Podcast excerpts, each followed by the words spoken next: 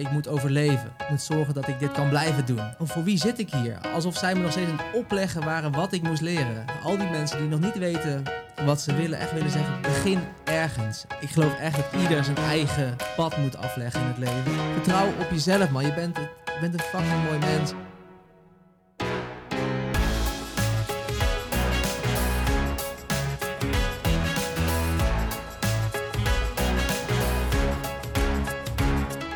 Hey beste luisteraar, yes, I'm back. Eindelijk. De afgelopen maanden hebben we elkaar even moeten missen, maar met een hele goede reden. Ik heb me namelijk uit de naad gewerkt om een fantastische studio te bouwen, waar dat ik het komende jaar nog veel meer mooie podcasts en YouTube-video's voor jou ga opnemen. Daarnaast heb ik mijn platform voor jonge ondernemers genaamd The Next Step gelanceerd. En hiermee hebben we de afgelopen maanden maar liefst 30 ondernemers geholpen bij het lanceren en laten groeien van hun onderneming. Hierover ga je in de nabije toekomst nog veel meer horen, dus zet je maar schrap.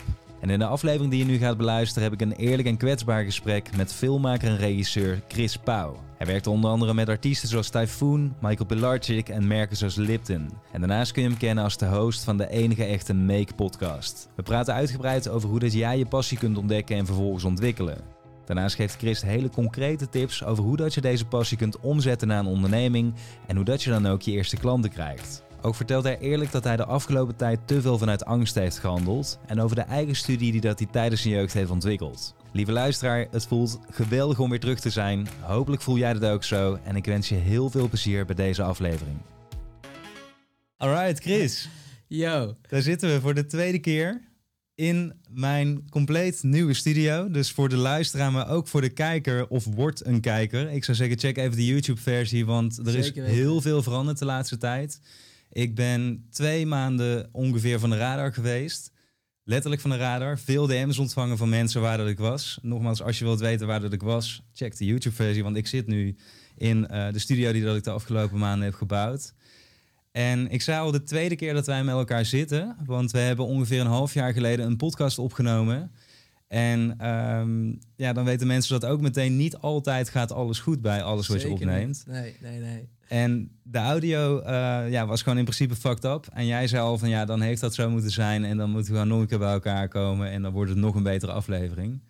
Ja, ik dacht wel dat we deze keer eerlijk zouden zijn, Sander. Dat, ja, je, je vond me eigenlijk gewoon niet inspirerend genoeg. Zei ja, ja, ik, ja. ik dacht nou, die, masker, op die, die masker zouden we nou ook weglaten, dacht ik deze keer. Precies, dus voor de luisteraar, dit wordt met de billen bloot vandaag. ja, um, Chris en ik kennen elkaar al een lange tijd, uh, zijn goed bevriend. Dus dit is geen uh, ontmoeting die voor het eerst plaatsvindt. Maar juist een heel mooi gesprek tussen twee makers, tussen twee creatieve ondernemers. Die aan het met... zoeken zijn. Nou ja, wel inderdaad ook over de zoektocht die daarbij uh, bij komt kijken. Waar dat ik het heel mooi vind bij jou. Um, en dat heb ik al eerder een keer tegen gezegd. Dat ik echt het gevoel heb dat jij elk jaar op zoek bent Um, om het pad wat de meeste mensen wandelen nog meer los te laten en om echt je eigen stijl in zowel het maken als in het ondernemen te ontwikkelen. En um, mooi. Dankjewel. Voor de mensen die Chris nog niet kennen, um, want ik ga daar nu natuurlijk een beetje gekscherend vanuit, maar je bent natuurlijk vanuit de kern ben jij een filmmaker, zo zou ik je omschrijven, of überhaupt een maker. Mm. Maar zou je misschien, uh, cliché vraag maar, zelf even kunnen toelichten wat je in de basis doet. Zodat mensen begrijpen in welke wereld zich dit afspeelt. Zeker man, met alle liefde. Ja, in de kern profileer ik mezelf en ben ik eigenlijk een filmmaker. Dat is de vorm van verhalen vertellen die ik een paar jaar geleden gevonden heb. Waar ik voor mijn gevoel het meeste in kwijt kon. De beste manier om een verhaal te vertellen vond ik het toen. Um, en nog steeds vind ik dat een, een prachtig medium om, de, ja, om mensen te raken en om, om een boodschap over te brengen. Ja. Maar naarmate je ouder wordt en naarmate je meer leert over jezelf en over, over het makerschap, ben ik ook achtergekomen dat ik eigenlijk in het algemeen een maker ben en een, en een verhalenverteller. En ben ik op een soort zoektocht om de vorm waarin ik dat doe steeds meer los te laten en steeds meer op zoek te gaan naar nou, wie ben ik en hoe wil ik mezelf creatief uiten. Dus ik maak ook kunst, uh, schilderkunst. Um, ik fotografeer heel veel. Uh, en ik heb dus een podcast ook, waar wij elkaar ook echt van kennen eigenlijk. Ja. in ieder geval waarin we een soort gelijke reis aan het doormaken zijn. Mijn podcast heet Make, waarin ik dus als maker in gesprek ga met andere creatieve makers. Dat zie ik bijna een beetje als mijn, mijn school of life. Um, waarin eigenlijk al mijn fascinaties, nieuwsgierigheden samenkomen. En ik letterlijk elke leraar die mij inspireert kan uitnodigen. En ook in die podcast is, ben ik ook op zoek eigenlijk naar wat voor maker ik zelf ben. En uh, ja, dat, dat verandert nog wel eens. Dus ik denk dat ik nu alweer een andere, weer een stukje verder ben in mijn ontwikkeling dan de vorige keer toen wij samen zaten. Ja, zeker. Dus daarom ben ik ook, ja, ik heb er zin in man. Leuk om je weer te zien. Ik ben ook, uh, ook wel trots op hoe je dit hebt gebouwd. Thanks man. Ja, nogmaals, ja. we hebben natuurlijk behind the scenes af en toe gesprekken over hoe je bepaalde dingen aanpakt. We weten allebei dat een podcast runnen is echt niet zo makkelijk. Daar komt echt veel bij kijken. Van voorbereiding tot, tot uh, planning, tot uh, de praktische zaken. En ik heb ook dit jaar ondervonden hoe, hoe fijn het is om een plek te hebben waar je naartoe kan om, om consistent content te maken, om, om die drempel wat lager te maken zodat je het echt over de inhoud kan gaan hebben. En dat heb jij hier gecreëerd. Dus ik, ik, ben, ik ben echt trots dat ik bij deze, misschien wel bij het begin van dit nieuwe hoofdstuk mag zijn.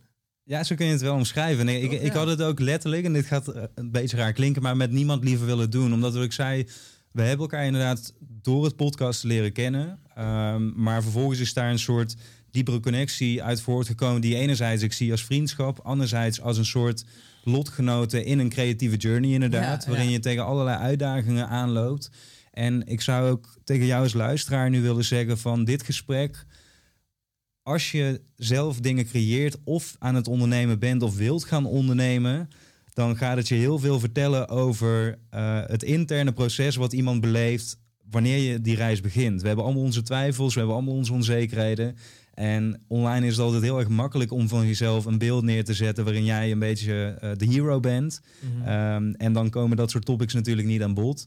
Maar wij kunnen inmiddels ook wel zeggen, nou ook heel veel andere creatieven inderdaad hebben gesproken, dat iedereen op zijn eigen manier met uh, bepaalde uitdagingen worstelt. Of het nou praktisch inderdaad, van hoe krijg ik genoeg financiën bij elkaar om mijn eerste camera, mijn eerste podcastmicrofoon bij elkaar te krijgen. Tot aan gewoon onzekerheden van wil ik dit de content bijvoorbeeld wel naar buiten brengen? Of durf ik dit verhaal van mezelf ja. wel uh, uh, aan een publiek te vertonen? En dat doe je met een onderneming natuurlijk ook. Van, het is je eigen creatieve idee. En ik zeg altijd dan, dat voelt nog moeilijker dan financieel risico is creatief risico. Want daarmee leg je echt je, weet je wel, je, je ziel eigenlijk een beetje bloot voor de wereld. En als daar mensen iets van vinden, dan komt dat natuurlijk in het begin zeker knijteruit aan. Hoe heb jij uh, dat ervaren? Want een van de vragen die ik, weet je wel, die altijd op mijn, mijn tong brandt wanneer dat ik uh, met jou praat, is van wat is op dit moment in dat proces je grootste uitdaging? Of wat is afgelopen jaar je grootste uitdaging geweest bij het opzetten van je business? Je bent regisseur, je draait heel veel uh, filmproducties. Mm -hmm. En daarnaast ben je inderdaad zelf aan het maken. Dus maak je kunst, maak ja. je podcast, maak ja. je video's. Ja, goede vraag. En ik denk dat we daar, daarmee ook al redelijk snel uh, bij de kern komen op ja, wat me bezighoudt en, en waar ik naartoe aan bewegen ben. Um, ik denk in de kern, waar ik het meest tegen aanloop, is het feit dat je. Ooit begin je als maker gewoon met een, met een soort um, kinderlijke speelsheid. Een beetje een naïviteit. Van je, je voelt dat je ergens geïnteresseerd in bent. Je probeert wat.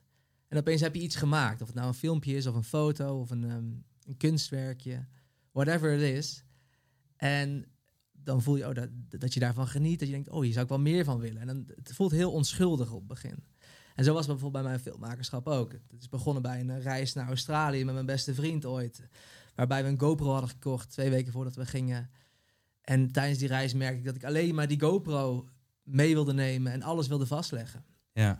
Dus zonder doel van ik ben een filmmaker en ik moet dit doen, maar echt vanuit een puur gevoel ervaren dat je, dat je bijna niet kunt stoppen om iets te doen. Zo'n vlammetje dat ontstaat. Ja. En nou, dat, dat vlammetje kreeg ik dus voor, voor het filmmaken in Australië met die, die lullige GoPro. Gewoon als ik er niet aan terugdenk, een GoPro met één wijde lens waarmee ik alles filmde. Dat zou ik nu met alle kennis die ik nu heb niet meer kunnen voorstellen. En Ja. dat is meteen misschien een beetje de valkuil. Hoe verder je dan op een gegeven moment groeit. En, en ik heb er toen met een heel pad uiteindelijk voor gezorgd dat ik filmmaker ben geworden. En daarvan kon leven en klanten kreeg. En, en dus hoe professioneler je wordt eigenlijk, hoe hoger de druk wordt. eh, hoe meer mensen ook hebben gezien dat je iets kan. Hoe meer, hoe meer mensen ook iets van je gaan verwachten dat je dat kan. Elke keer ook weer op- opnieuw delivered eigenlijk. En des te meer druk komt er dus eigenlijk te liggen op dat, dat eens zo onschuldige vlammetje. Ja. En eh, Eigenlijk zeg je van er komen steeds meer beperkingen bij. Want je zegt al van nou, ik zou het niet meer met die GoPro doen. Dus het moet met een bijvoorbeeld dikkere camera. Er wordt het ja, het steeds echt- meer. ja, je, omdat je, je- je leert ook steeds meer. Dus, dus je kunt bijna niet meer terug naar de naïeve, naïeve mindset die je op het begin had. Toen alles nog kon, want er waren nog niet zoveel regels. En hoe meer regels ik ben gaan leren, ja, hoe, ja, hoe gek ook, hoe soms hoe beperkend dat ook, ook klinkt. En ehm, dus eigenlijk concreet, zeker corona heeft daar ook wel een, een, een spoor in achtergelaten.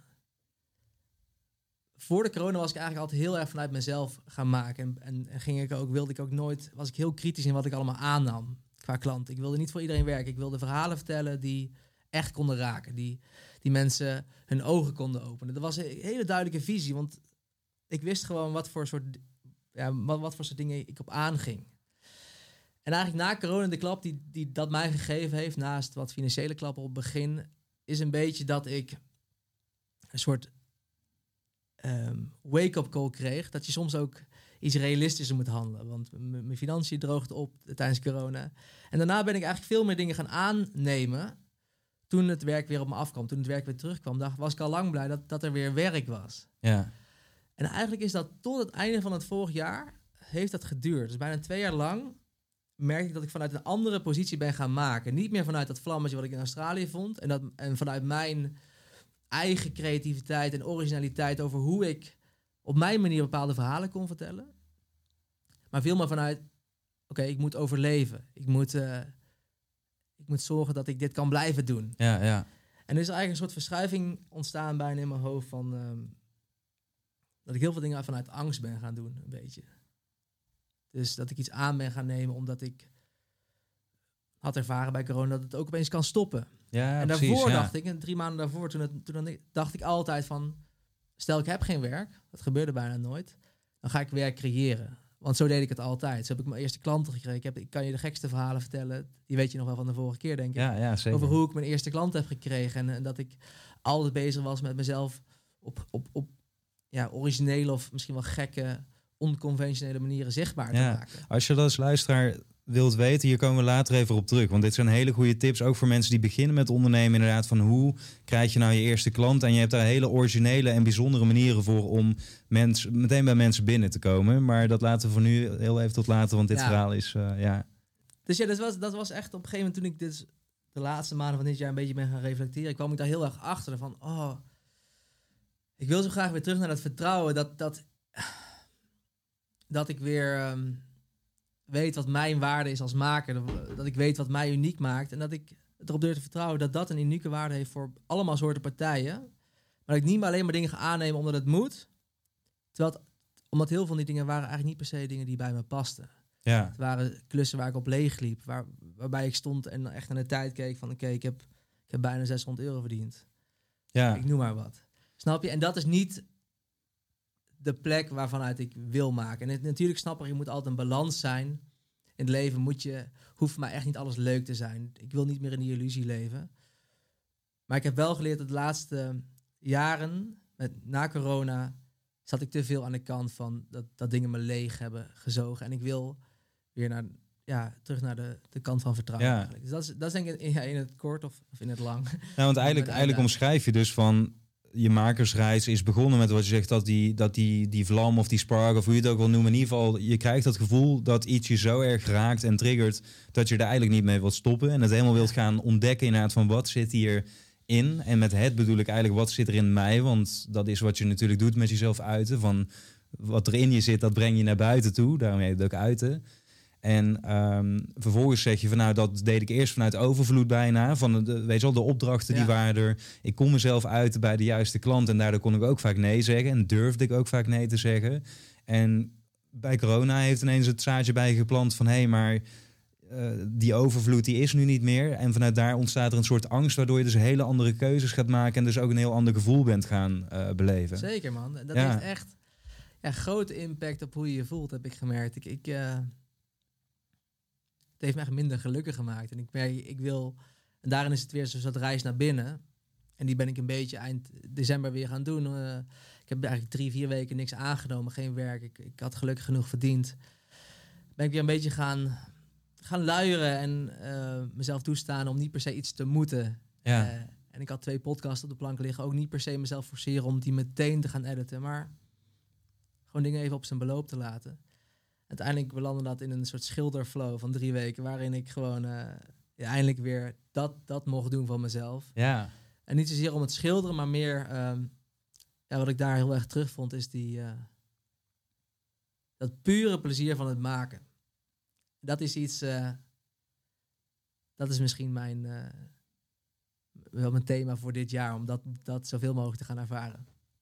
Ja, want als je het zo omschrijft, dan is het eigenlijk ook, en dat is bij veel jonge mensen, natuurlijk korte versus lange termijn. Je zei van ja, de financiën, dat ging natuurlijk helemaal lekker, want je pakte alle opdrachten aan tijdens corona. En je zei ook toen straks tegen mij off-camera van nou, dat werd steeds meer en meer mijn hele weken zaten gevuld. Dus wat dat Maar betreft. je wordt hebberig bijna. Dat is wat ik, wat ik zo straks Ja. zei. Is dat je dus... Oké, dan heb je bijvoorbeeld vier draaidagen. En dan verdien je zoveel per, per week. En dan had je dus twee, had ik twee dagen vrij. En dan dacht ik, oh lekker, dan kan ik, kan ik die gebruiken om iets voor mezelf te gaan doen. Ja, Om op adem te komen. Of om om mezelf te vullen met eigen ideeën. En dan kreeg ik een dag van tevoren alsnog een, eh, een last minute aanvraag. Van, hey, yo Chris, eh, kan je misschien eh, toch morgen last minute schieten? Krijg je dit, dit bedrag voor? En dat ik dan meteen dacht, oh, dat is wel echt lekker. Het is toch, toch weer zoveel euro. En dat ik die verleiding bijna niet meer kon staan. Dus dat ik bijna een soort andere mindset raakte dan, dan voorheen. Alsof ik een andere motor kreeg. Iets anders wat me dreef Ja, dan, ja. Dan, dan, dan hoe ik oorspronkelijk was begonnen. En, en ehm, ik zeg niet dat het per se slecht is. Ik, ben ook heel, ik heb heel veel geleerd van vorig jaar bijvoorbeeld. En eh, ik heb heel veel nieuwe spullen niet kunnen kopen. Ik heb heel veel mooie gear waarmee ik eigen, eigen shit ga maken dit jaar. En ik snap, dat heeft ook weer... Dat komt ook deels doordat ik zo hard gewerkt heb vorig jaar. Dus alles heeft met elkaar verbonden. ja. Maar ik vind het wel belangrijk om af en toe bij te sturen. Wat is de takeaway die je hier, als je naar eh, mijn publiek zijn natuurlijk voornamelijk jonge ondernemers of mensen die young professionals die willen groeien. Eh, wat zou je hen willen meegeven naar aanleiding dus van eh, je analyse van het afgelopen jaar? Dus je zegt van hey, je hebt een soort weegschaal. Eh, aan de ene kant creativiteit, passie, eh, weet je wel, die positieve energie. Anderzijds het gedeelte financiën en ook de, de business laten draaien. Want dat is natuurlijk ook vaak. Je hebt daar een soort fine line tussen van hoe maak je die balans. Ja, wat is daar nu je inzicht wat je eruit hebt gehaald? ik denk heel goed weten wat jouw stip op de horizon is of zo. En al is het maar voor dat jaar. Ik stel je zegt aan het begin van het jaar, mijn belangrijkste stip is, is om dit jaar een keer een ton om te zetten. Ik wil gewoon ervaren hoe, hoe, hoe het is om dat te doen. Ja, Dan, dan kan je daarna handelen. Ehm, maar als ik naar mezelf kijk, dit jaar is mijn stip echt om, om eigen werk te maken, om te kijken wat ik met mijn creativiteit kan. Dan is het voor mij nu noodzakelijk om te berekenen, dat heb ik vorige week gedaan. Oké, wat zijn nu mijn maandlasten? Wat zijn echt mijn vaste kosten? Hoeveel heb ik nou echt elke maand nodig? En ik heb het ruim gedaan. Dus niet, niet om daarop eh, mezelf in voor te liegen ook. Echt goed ervoor gaan zitten.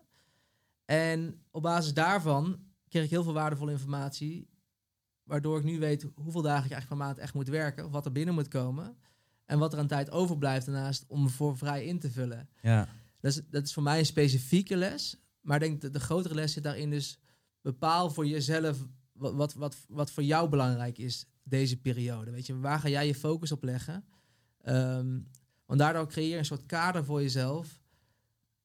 waarmee je makkelijker bepaalde keuzes kunt maken, denk ik. Bijvoorbeeld één ding wat ik dus nu anders ga doen dan vorig jaar... Vorig jaar had ik niet zo'n stip op de horizon. Had ik gewoon... eh, werd ik constant verleid door elke keer die extra klus en het extra geld.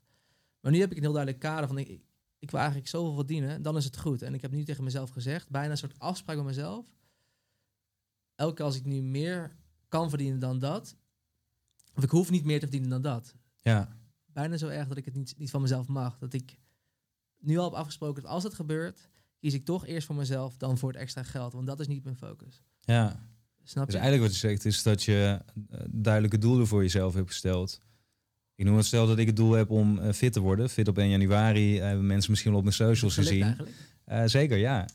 Nou, dat, was, dat is ook zo'n soort van eh, niet noodkreet of een... een eh, het is meer van je merkt inderdaad op het duur dat je wegdraait van wat je eigenlijk wilt. En dat merk je door middel van je gevoel inderdaad. In mijn geval, ik begon gewoon minder fit te worden. Je, je zit minder lekker in je vel. Ehm, en doelen stellen klinkt altijd zo easy. Van, eh, jij vroeg het me ook in jouw podcast. Ja. Van nou bijvoorbeeld bij de next step. Van hoe begint zo'n traject dan bijvoorbeeld? Ik zei van nou het eerste is altijd bepalen wat je wilt. Wat is je doel? Want anders dan inderdaad, ja, welke keuze ga je dan maken? Ja. Eh, als je inderdaad voor puur zegt van hé, we gaan focussen op financiën dit jaar. Eh, we willen een ton eh, omzet of winst draaien. Dan ga je andere dingen doen wellicht dan wanneer dat je zegt van hé, ik wil gewoon vier passieprojecten per maand doen. En inderdaad, ik reken mijn kosten uit en verder is dat prima. Dat is mijn doel voor dit jaar, want daar word ik gelukkig van. Ehm, en dat brengt dus ook focus aan, inderdaad. In welke dingen doe ik wel, welke dingen doe ik niet. Eh, ik ben er wel van overtuigd van die twee kunnen ook hand in hand gaan natuurlijk. Van je kan ook en ehm, gewoon een goede business draaien financieel gezien en ruimte voor passie inbouwen. Maar ja, daar zit wel een soort glijdende schaal in. Zeker, ja. Eh, en die is wel heel interessant. Ja, maar nu heb ik vooral, nu ben ik mijn leven veel meer aan het inrichten op het bewaren van die balans, weet je wel. Vorig jaar heb ik meer als een soort kip zonder kop, bijna als een soort trechter, kwam alles Ja. binnen, omdat ik mijn angst was dat er misschien niks meer binnen zou komen. En nu ja, is er een soort duidelijkere, ehm, duidelijker beeld van, van, van wat er moet gebeuren en het voelt veel overzichtelijk. Dus ik denk dat overzicht maken voor jezelf is heel nuttig. Ja, Ja, want dat biedt ook een beetje, wat angst natuurlijk vaak is, is dat je inderdaad, je kijkt naar de toekomst en je bent bang dat er bijvoorbeeld niet genoeg opdrachten meer binnenkomen. Dat je daar dus eh, dan te weinig financiën eh, verdient bijvoorbeeld, daardoor zou je huur, ik noem wat, niet meer kunnen betalen. ja. Uh, Ja. Terwijl als je overzicht creëert, dan kijk je even realistisch naar de situatie van dit is ja, hoe dat het er nu eh, bij staat. Ehm, wat heel vaak ja, gewoon voor rust zorgt inderdaad. En, en dat is natuurlijk een goede basispositie om gewoon bewuste keuzes vanuit te maken. In plaats van vanuit die paniek bijna van de angst van ja, wat, als er anders niets meer komt. ja, en dat bedoel ik echt met dat bijna het, het verschuiven van, van angst naar vertrouwen. Dat je ook. eh, dat, dat je ook beseft dat, dat als het misschien een keer een periode rustiger is, dat je echt terug kan gaan naar, naar de basis. En dat je vanuit de rust kunt nadenken: oké, oké, het is misschien wat rustig nu. Nou, hoe, hoe, zou, hoe zou ik nieuw werk kunnen creëren? Maar niet vanuit die paniekvoetbalsituatie. Ja. Want, en dat is een soort bijna een soort mindset shift. En ik, ik zit daar middenin. En ik, ik heb niet zo alsof ik die shift eh, binnen een dag heb gemaakt. Het is een proces. Ja, natuurlijk, ja. Maar wel een duidelijke reminder aan mezelf. Ik, elk, elke keer als ik misschien weer bij mezelf merk... oké, oh, nu handel ik weer vanuit die angst... dan herinner ik mezelf er al aan. Ja, kie- kies voor vertrouwen. En hetzelfde met een relatie. Eh, ja, er, er gebeuren ook dingen waarin je soms bang kunt zijn... dat de ander misschien eh, weggaat of zo. Nee, vertrouw op jezelf, man. Je bent, het, je bent een fucking mooi mens. Je hebt superveel te bieden. En ik wil elke keer daarna terug. Zonder arrogant te worden, maar wel om jezelf niet te laten ondersneeuwen door al die, die, ja, die moordende gevoelens van onzekerheid en angst. Want dat is zo slopend. Ja, Ja, en het geeft je niet, het geeft je niet zo heel veel. Natuurlijk is angst ook wel een goede raadgever af en toe, maar niet zo structureel of zo. Ja, nee, 100%. En, en daarom zei ik in het begin van dit gesprek al van dit gaat een heel interessant gesprek worden. Omdat ehm, ik vind het heel bijzonder altijd dat jij zo open bent over al dit soort dingen. Terwijl je aan de andere kant, ehm, en ik weet dat je jezelf niet zo ziet, maar je staat ook op hele grote shoots gewoon als regisseur. Je doet hele toffe projecten. Je bent een voorbeeld, zei ik al, voor heel veel ehm, beginnende of gevorderde videomakers. Die ook regisseur willen worden of die ook dat soort producties eh, eh, ja, willen doen en mogen doen. Ehm, dus nou, maar zij kijken, en dat weet ik omdat ik ook veel van dat soort mensen spreek, kijken heel erg tegen jou op. En nogmaals, dan heb je twee ehm, kanten. Je kan ervoor kiezen om alleen maar de hero te zijn, van inderdaad, kijk mij hier weer op die shoot staan. Of je kan er ook voor kiezen, en dat doe jij heel goed, vind ik, om eh, weer te geven van, hé, maar jongens, ik heb ook niet alle antwoorden in handen. En ik ben zelf ook in een proces op zoek naar wat voor mij de ideale combinatie is. En daar komt dit en dat bij kijken. Mm. En dat maakt dat die beginnende videomaker, of nogmaals gevorderd, zich daarin kan herkennen van hé, hey, maar shit, dat voel ik ook inderdaad. En, huh, maar Chris heeft dat dus ook. Dus dan wordt het Ja. iets wat als normaal wordt gezien. Want het is ook heel normaal dat je dat soort gedachten ervaart. Ik ervaar ze ook bijna duidelijk. Je had het in het begin over deze studio. Ik heb het hele jaar, eigenlijk vorig jaar, vanaf het begin van de podcast, waar ik met mijn koffertjes eh, in de trein stapte met een Ja. iPhone en twee microfoons. Totdat ik samen ging werken met Jasper, mijn cameraman. Omdat ik erachter kwam van hé, hey, er moeten wat dingen anders, anders hou ik het niet vol. En dan stopt deze reis dus hier. Tot aan dat ik erachter kwam van hé, hey, maar elke keer met een cameraman en Ja. al die spullen naar iemand toe is qua tijd en financiën ook niet vol te houden. Ehm, maar dat maakt je ook wel onzeker, want je weet het antwoord op dat moment nog Nee, niet. Het antwoord komt pas later. Past deze puzzel ooit in elkaar? Ja, Dacht je dan. Ja. En je, je did it. Ja, nee, maar jij ook. Want jij hebt dat natuurlijk, jij hebt op de duur ben je, eh, heb je ook een eigen studio geregeerd. En je hebt voor volgend jaar, zei je, ook weer nieuwe plannen gemaakt. Van hé, dan wil ik eh, dit soort content gaan maken. En ik wil Ja. het, weet je wel, dat het er zus en zo gaat uitzien. Ik, je hebt net, eh, een, je bent ambassador van Sony geworden. Wat, wat super vet is natuurlijk. En onwijs veel gear waar je nu mee aan de slag kunt. Ja, Dus dat, dat zijn allemaal stappen die, die natuurlijk juist super mooi zijn. En weer je iets dichter bij die kern inderdaad brengen. En daar wil ik eigenlijk ook naartoe. Want wat ik bij jou ook heel gaaf vind. We zeiden net natuurlijk van als je die flame of die spark voelt van binnen. Dan is dat een signaal van hey, hier zit iets. En dan ga je dat ontdekken. En wat je dan vooral niet moet doen is jezelf te snel beperken. Door je gedachten of door praktische zaken van ik heb geen geld of geen netwerk. ja. Maar er zijn ook heel veel jonge mensen die zeggen van ja, maar ik weet helemaal nog niet wat ik wil. Ik heb die spark nog niet echt gevoeld. Alsof je, ik zeg wel eens vaak als ik masterclasses ook geef aan hoge eh, scholen of zo, van ik kan me voorstellen dat het bijna voelt alsof je nog nooit verliefd bent geweest en iedereen heeft het over dat ze verliefd zijn. ja, en dat je het heel graag wilt vastgrijpen, maar dat je er niet, er niet bij komt. Precies, ja. Ja, En ja dat is heel herkenbaar, maar ook, ook, een, ook lastig, man. Eh, nou, je had het al over je reis naar Australië, waarin je jouw passie voor filmmaken en verhalen vertellen hebt ontdekt. mm. Ehm, en zou je eens kunnen vertellen hoe dat je tot die reis bent gekomen? Want jij hebt op het duur een soort eh, mental model, zou ik dat kunnen noemen, ontwikkeld. Eh, daarmee bedoel ik een soort van frame waarin je hebt gezegd van ik ga even los van de gebaande wegen dus en de, de gebaande opleidingen waar iedereen naartoe gaat, ga ik even mijn eigen opleiding en mijn Ja. eigen wereld creëren. En dat verhaal vertelt denk ik heel veel aan mensen die ook denken van ja, maar ik weet eigenlijk helemaal niet wat ik wil. Ja. Hoe je stukje bij beetje erachter zou kunnen komen wat dat dan voor jou is. Ja, en, en, en daarin, dat is ook echt iets van mijn reis waar ik heel trots op ben. Wat in ieder geval mij heel veel gegeven heeft. En ik weet zeker dat, dat dit specifieke voorbeeld niet voor iedereen werkt. Maar ik denk dat er wel een paar belangrijke eh, leerpunten misschien in zitten. Want, want waar het voor mij echt om is gegaan is, is experimenteren. Durven het leven te zien als een, als een, een speeltuin, als een bijna een ontdekkingsreis waarin je, waarin je alles, een hele hoop mag proberen eigenlijk. En, eh, en toen ik dat voor het eerst eigenlijk ben gaan doen, is eh, na de middelbare school, eh, wat ook best een moeizame periode was, eh, al de clown uithangen, VWO wel of niet halen, uiteindelijk wel gehaald. ehm, ben ik eigenlijk twee jaar beetje op reis geweest. Heb ik hele mooie, mooie reizen gemaakt. Eerst een half jaar Zuid-Afrika, daarna Australië, waar ik dus het filmmaken ontdekt heb. En uiteindelijk kwam ik terug na, na twee jaar weg te zijn geweest. En toen dacht ik, kijk, nu is het wel klaar. Ik moet eigenlijk wel weer gaan. Ik moet eigenlijk wel een beetje weer in de realiteit komen en misschien gaan studeren. Ik, ik woon in een, in een dorpje in, in Brabant. En eh, ik kwam daar elke keer terug van die reizen. En ik dacht, wat, wat staat hier eigenlijk stil? Wat, wat, wat, waarom gebeurt hier niks? Dus ik voelde wel, ik wil, als ik in Nederland ga wonen, wil ik wel ehm, naar een plek waar er meer gebeurt. Dus Ja. ik ging naar Amsterdam en ik besloot eh, daar te gaan studeren. Media en cultuur aan de UvA. Media, want ik had dus een beetje dat film ontdekt. dacht, daar zit misschien wel iets. En ik kwam er dus aan en ik, eh, ik begon met, met frisse tegenzin aan die studie. Want ja, ik had er niet echt zin in. En eigenlijk al vrij snel een half jaar dacht ik al van... Eigenlijk bij het eerste, eerste tentamen al van... Oh, wa- wat doe ik hier? Het voelde gewoon al niet als mijn manier van mezelf ontwikkelen. Alsof ik heel erg gevangen zat in de dingen die ik moest doen. Terwijl mijn hoofd aan het dromen was over start-ups en over shit die ik kon gaan maken. En ja, ja, mijn hoofd wilde ergens anders zijn, maar ik moest met mijn lijf en alles moest ik dingen doen waar ik geen zin in had. En totdat die ideeën eigenlijk zo concreet werden dat ik op een gegeven moment na een half jaar naar mijn moeder ben gestapt en gedurfd heb om te zeggen van mam, ik heb nagedacht. Ik denk dat ik nooit meer wil gaan studeren. Ik wil stoppen. Maar ik heb wel een plan. Ik, ik wil eigenlijk een eigen studie gaan beginnen. Dat, dat is mijn, mijn globale idee. Ik wil eigenlijk... Nog niet gaan lachen.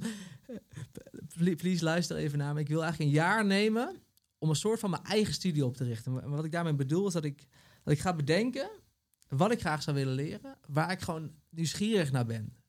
Iedereen is ergens nieuwsgierig naar. En ik ging dat voor mezelf bedenken. Dan ga ik manieren bedenken over hoe ik dat zou kunnen leren. Ik geloof echt, man, dat dat, dat, dat me iets gaat geven. Ik weet nog niet wat. Ja, En zij is gewoon een hele, ja, een hele mooie vrouw. En ook staat voor heel veel dingen open. Maar ze is ook wel ja, streng maar rechtvaardig. Dus het is niet per se dat, dat alles mag. Maar ze vond het wel een interessant idee. En ze zei van, nou lieverd, ehm, is goed, gaan we doen. Ik wil je ook de eerste tijd wel financieel supporten. Maar ik wil wel dat je over een jaar op je eigen benen kan staan. Dus daar, daar, daar begon een soort challenge en ik ben het, die uitdaging aangegaan. En, ehm, en wat het ermee heeft geleerd is dat ik... En toen kreeg ik eigenlijk alle vrijheid om, om mezelf te gaan ontdekken. Om, om te gaan ontdekken wat ik leuk vond eigenlijk. Ja. Stond ik op die plek waar heel veel van die jonge, jonge mensen die jij spreekt ook op staan. Wat de fuck moet ik nou met mijn leven? Je weet ik wel wat dingen, wat je, je weet wel iets over wat je kan en wat je niet kan. Maar je weet niet concreet wat je daar misschien mee kan of in welke vorm je daarvan zou kunnen leven. Ja, eigenlijk zeg je van, van inderdaad die eigen studie van ik wil juist nog alle, wat natuurlijk vaak gebeurt naarmate je ouder wordt, is hoe ouder je wordt, hoe minder fantasie, hoe meer grenzen er en barrières te worden opgetrokken. En voor je het weet ben je 18 en dan zie je eigenlijk het al niet meer zitten, ben je gestopt met ontwikkelen en blijf je de rest van je leven een beetje in dat, dat frame wat al om je heen is gebouwd zitten, omdat je er niet meer uit kunt komen. Ja, en wat ik mezelf echt heel erg heb toegestaan toen van oké, ik weet een jaar lang misschien niet wat ik zou willen. Maar ik sta mezelf in ieder geval toe om alles te proberen wat ik kan bedenken. Ja. En dat ging ik ook echt doen. Ik begon een soort blog, chrispauw.com. En dan ging ik gewoon een beetje schrijven over dingen die ik had geleerd of wat ik meemaakte. Ik begon met mijn iPhone toen filmpjes te maken. Ehm, ik begon te gaan, uh, me op te geven voor spreekavonden. Dacht ook een, misschien een vorm van verhalen vertellen. Ging, ging ik gewoon random ging ik een verhaal schrijven en dat op een podium vertellen. Ehm, ik begon mensen uit te nodigen om op koffietjes mee te gaan drinken. Ik begon eigenlijk allemaal dingen te gaan proberen en te doen um, hout bewerken, een keer een keer een tekening maken, whatever. Ja. Um, wel allemaal manieren om jezelf te uiten dus. En daar komen, daar komen eigenlijk al allerlei life skills, noem ik dat dan vaak bij kijken, die heel belangrijk zijn voor elk persoon.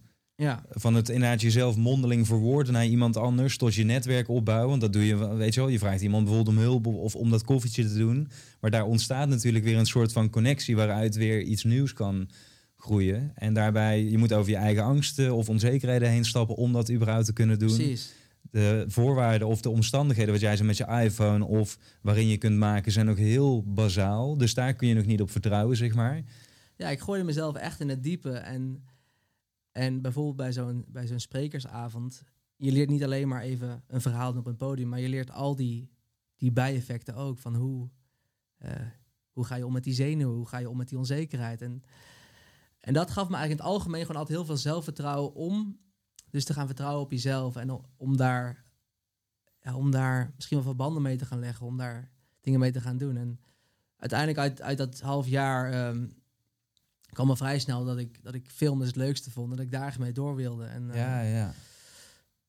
Ja, dus voor mij werd het vrij snel duidelijk welke richtingen op wilde. Dus had ik misschien een soort geluk. Hoe eh, belangrijk, vraag ik me af, was die dat je moeder had gezegd van je krijgt een jaar. Dat er wel een duidelijk tijdsframe was. Want de valkuil is natuurlijk als je zegt van ja, ga wat dingen uitproberen. Dat iemand, uh, ik noem even heel gechargeerd, maar met een pa pak pils op de bank belandt en een jaar niets gaat doen. Uh, en daarom zeg ik misschien ook wel, misschien werkt het ook niet voor iedereen. Want je wordt wel heel erg geconfronteerd met je eigen wilskracht, je eigen discipline. En dat is er wel voor nodig, want ik, ik zal ook eerlijk zeggen, die, het was niet zo dat, het meteen, dat ik meteen als een raket de lucht inschoot. Het was heel erg zoeken. Het was heel erg, heel erg raar begin. En dat ik thuis zat en dan denk ja, oké, hoe moet ik dan mijn dag in gaan delen? Dat ik het op het begin echt per 10 minuten ging opschrijven wat ik dan ging doen. En, en erachter kwam, oh, dat werkt ook niet. Ehm, maar dat je ja, dus echt leert, oké, hoe, hoe kan je jezelf motiveren om tot shit, ja, om shit te gaan doen, want niemand anders gaat je vertellen. Dus daarom zeg ik, het is misschien niet voor iedereen weggelegd. Ik denk wel dat als je dat. Ik, ik heb laatst een interview geluisterd met een hele bekende cabaretier, echt wereldwijd bekend. En ik zit niet zo in die wereld, dus ik kan zijn naam. Uh, Russell nog iets. Um, maar zijn vader had dus ook tegen hem gezegd toen hij had uitgesproken van nou, ik wil comedian worden, stand-up comedian. Toen zei hij van oké okay, Russell, je bent nu 18 jaar oud. Je krijgt een jaar de tijd om alles eraan te gaan doen om dat te worden. Want als je zo'n doel mhm. stelt zoals dit, dus niet het minste, dan moet je er ook vol voor gaan en wees al alles op alles zetten als je na dat jaar uh, er niet van kunt leven of niet daar bent waar je bent, mhm. dan ga je hier ergens in Engeland was het weet je een beetje zo'n zo'n uh, sloppenwijk uh, om het zo te noemen. Dan ga je hier ergens werken, maar tot die tijd inderdaad ga je gang, je, je krijgt van mij de ruimte. Ja, nee, dat is inderdaad als je het ja, het is zo, zo lang geleden, maar als je er zo op terug kijkt, het gaf me echt wel een soort van push om het te gaan fixen. Ik, bijna ja. zo'n bewijsdrang en een, een extra motivatie van oké, I got this. En ik, en ik ga er alles voor doen. Ik ga, daar, ik, ga daar, ik ga daarvoor vechten of zo. Dat helpt denk ik wel. Het is altijd een beetje die balans tussen ehm, ja, vrijheid en, en, en controle of zo. Van, of ehm, vrijheid en loslaten. Ja. Nou, want wat je eigenlijk hebt gedaan, en dat vind ik het interessant, want ik denk hier veel over na. We zijn natuurlijk allebei liefhebber ook van de Ron Simpsons manier van denken. Van hoe bouw je nou sterke concepten. Ehm, voor de luisteraar even een soort spoedcursus. Maar je hebt natuurlijk allerlei ideeën de hele dag door. Van ook oh, ik zou wel eens dit kunnen doen of dat kunnen doen. Mm. En Ron zegt eigenlijk heel simpel van nou, een concept is een idee, maar dan vanuit alle kanten bekeken. En daardoor kun je het duidelijk aan iemand anders uitleggen. Dus Ja. het is een framework. Ja. En op het duur bedacht ik me ineens. Ik denk van hé, maar het valt me ook op dat heel veel mensen, ook waarmee ik samenwerk, ehm, of klanten, het heel moeilijk vinden om in een brei aan informatie structuur aan te brengen. En wat doet een opleiding voor je? Dat is natuurlijk een concept en een framework waarin je zegt van hé, hey, een opleiding of een studie, er is een duidelijk punt A. Dat is het instappunt. Soms moet je uitgeloot worden of je doet een toelating. Maar in ieder geval, wij bepalen een punt A voor jou. We stippelen een hele route uit. Ja. En als jij maar hard genoeg werkt, dan kom je aan het einde op punt B eruit en dan heb je X of Y. En voor ons mensen is het natuurlijk heel fijn, want dat is de houvast en de zekerheid waar we de hele tijd naar op zoek zijn. Van ik kan vier jaar lang in dit framework stappen. Ja. Dat geeft me een identiteit, want ik ben student en ik werk, eh, weet je wel, aan mijn leven. Ehm, ik weet wat ik krijg als dat ik eruit kom en wat als ik maar hard genoeg werk. Maar eigenlijk wat jij zegt is voor sommige mensen of voor veel mensen dat misschien juist wel de frustratie en waar ze niet naar op zoek zijn. Want ze, willen juist eigenlijk even kunnen loslaten en gaan zoeken van ja, maar waar zit het voor mij? En dat heeft niks met die vastigheid in het begin te maken natuurlijk. Ja, dat is interessant. Want jou heeft natuurlijk wel eigenlijk veel gegeven. Jij, jij floreerde wel redelijk goed in dat systeem volgens mij. Of jij kon het wel redelijk goed aan, toch? Nou, wat het mij heeft gegeven is omdat ik MBO deed. Jij zei net dat je VWO deed. Ehm, is als MBO had ik in ieder geval altijd het gevoel. Ik zeg niet dat dat zo is of dat heel veel mensen dat vinden. Maar ik had het gevoel dat ik altijd werd gezien als degene die niet slim genoeg was om te Ja, studeren. Die iets met zijn handen moest gaan doen. En ik kreeg daar inderdaad een enorme bewijsdrang eh, door. Alleen, ik heb dat hele eh, opleidingssysteem inderdaad doorlopen. Dus MBO en HBO, HBO naar de universiteit, eh, master gehaald. En ik eindigde met een burn-out. En ik zeg altijd, op duur kwam ik tot het inzicht dat dat kwam omdat ik het alleen maar door vanwege externe redenen heb gedaan. Ja. Dus elke keer als je een niveautje op de maatschappelijke ladder omhoog klimt, krijg je allemaal schouderklopjes van je omgeving. Van hé hey man, wat goed. Ja. Je bent nu van MBO en eens naar HBO. Ja. Omdat we daar waarde aan hechten. Eh, en het inzicht wat het mij eigenlijk vooral is heeft gegeven, is dat ik totaal geen waarde hecht aan al die maatschappelijke laddertjes. En ehm, weet je wel, Mhm. die prikkels van buitenaf, maar dat het inderdaad wat jij zegt erom gaat van ja, maar wat, waar krijg ik van binnen die eh, energie van en dat gevoel? Ja. Ja, als ik echt als ik eraan terugdenk, is dat waarom het misschien voor mij gewerkt heeft. Ik snapte bijna niet waarom ik gewoon niet vooruit te branden was op die studie. En, het, en ook al had ik die studie zelf gekozen, ik had zelf gekozen van oké, ik ga me hierin verdiepen. Ik kies dit kader. Ja, Zat ik er altijd met het idee van, oh, voor wie zit ik hier? Alsof zij me nog steeds aan het opleggen waren wat ik moest leren. Terwijl mijn hoofd andere gedachten had. Dus, dus het kan misschien achteraf ook een kwestie zijn geweest dat ik niet de juiste studie heb gekozen. Dus dat ik niet vanuit mijn intrinsieke motivatie heb gekeken wat ik echt wil leren. Of dat er gewoon geen curriculum is wat aansluit op, mijn nieuwsgierigheid. En daarom dacht ik, ik, ik moet dat zelf gaan bedenken. Ik moet zelf... ehm, ik weet zelf het beste, zeg maar, naar welke onderwerpen ik echt intrinsiek nieuwsgierig ben en, en, en motivatie voor voel om me echt in te verdiepen. En mezelf Ja. uren en dagen in te verliezen. En daar heb ik denk ik in mijn leven de meeste groei doorgebracht. Toen ik dat, toen ik die ehm, vlammetjes in mezelf vond en dacht van, wow, hier ga ik op aan. Hier wil ik alles voor geven. en zo geleerd herkennen inderdaad. Dat dat dus hetgeen is. Want wat vaak mensen dan doen, is stel je ontdekt ineens, eh, nu als luisteraar, van nee, inderdaad, film maken, daar, daar voel ik iets bij. Of eigen content maken. Dan komt eigenlijk direct op die ene gedachte van hey, ik voel er iets bij, komt je ratio natuurlijk naar boven die zegt van ja, maar kan ik dit wel? Of die anderen zijn natuurlijk al veel beter. Of heb ik überhaupt wel iets te vertellen? En ik weet wel allemaal van dat soort gedachten. Eh, waardoor je het heel snel ook weer onder het tapijt kan schuiven en denkt van nou, ik blijf gewoon, weet je wel, in mijn lane. Dit is gewoon wat ik doe. Zo kennen mensen mij ook. Dus als ik ineens iets anders ga doen, levert dat ook weer reacties Ja, van anderen op. Nee, zeker. Dus dat en dat vind is ik, sowieso ja, iets, ja, denk ik, waar wij ook veel over nadenken. En waarmee we ook veel geconfronteerd worden, is hoeveel we eigenlijk bezig zijn met anderen. En laat ik het op mezelf betrekken. Ehm, ja, hoe moeilijk het is om je daar helemaal van los te koppelen. Om echt vanuit jezelf na te denken, oké, wat, wat, wat, wat wil ik nou met mijn leven? En, en ehm, dat als je voelt dat je ergens enthousiast van wordt, dat je er ook voor durft te gaan. En dat is, en dat zou ik iedereen gunnen om, om dat zoveel mogelijk te gaan doen. Dat je echt denkt, oké, oh, hier ben ik nou echt heel nieuwsgierig naar en ik durf hiervoor te kiezen, whatever iemand daar ook van vindt, weet je. Want who, who cares uiteindelijk? En dat, is, en dat is ook iets wat ik nu tegen mezelf zeg en blijf zeggen elke keer.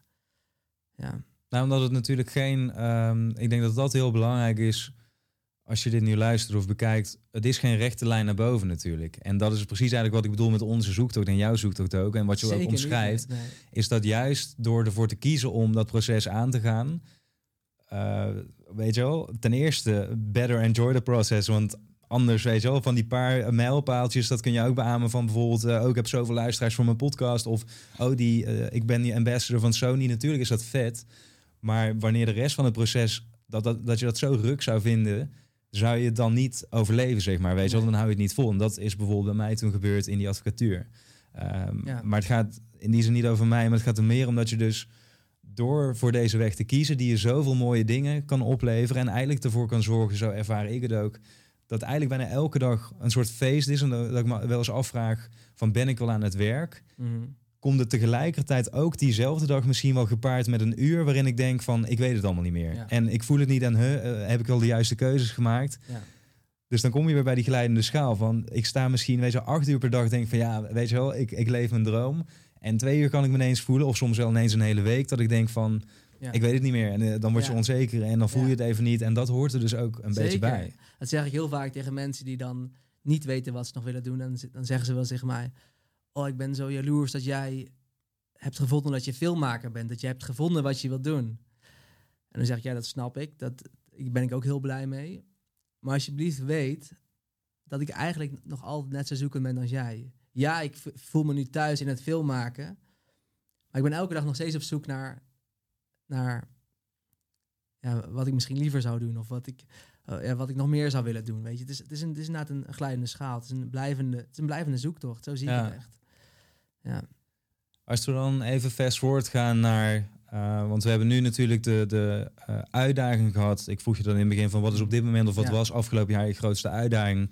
En die komt elk jaar natuurlijk wel inderdaad in een bepaalde vorm terug. Tuurlijk, ja. Um, daarna zei ik van nou, überhaupt, als je nog niet eens weet waar die spark van aangaat, dan kan je dat proces eigenlijk nog niet starten. Dus hoe kom je uh, hoe kun je daar dan wat meer achter komen? En wel wat jij zei, dat is natuurlijk voor ieder persoon anders. En voor sommige mensen is een studie juist de perfecte plek om te zijn. Dus... Maar ik denk dus, en misschien om dat, dat, dat hoofdstuk nog even af te sluiten. Ik denk dat er gewoon altijd een paar stappen zijn die je altijd kunt nemen. Dus of het nou een studie is, of dat je nou ook een soort een vrij pad gaat afleggen. Ik denk jezelf toestaan om in ieder geval verschillende dingen te proberen. En om, om, al is het maar één dag of één uur maar dat je echt even in contact komt met datgene. Dat je jezelf dat echt toestaat. Dat gaat je altijd iets opleveren. Al is, het, maar, al is het maar een dikke nee. Oh, dit is het dus niet. Snap je? Dus, ja, zeker. Dus, ja. Uh, ja, daarin zou ik sowieso iedereen willen aansporen. En ook al doe je die studie en je hebt het daar heel zwaar mee. Er is misschien wel één dag per week dat je wel vrij hebt.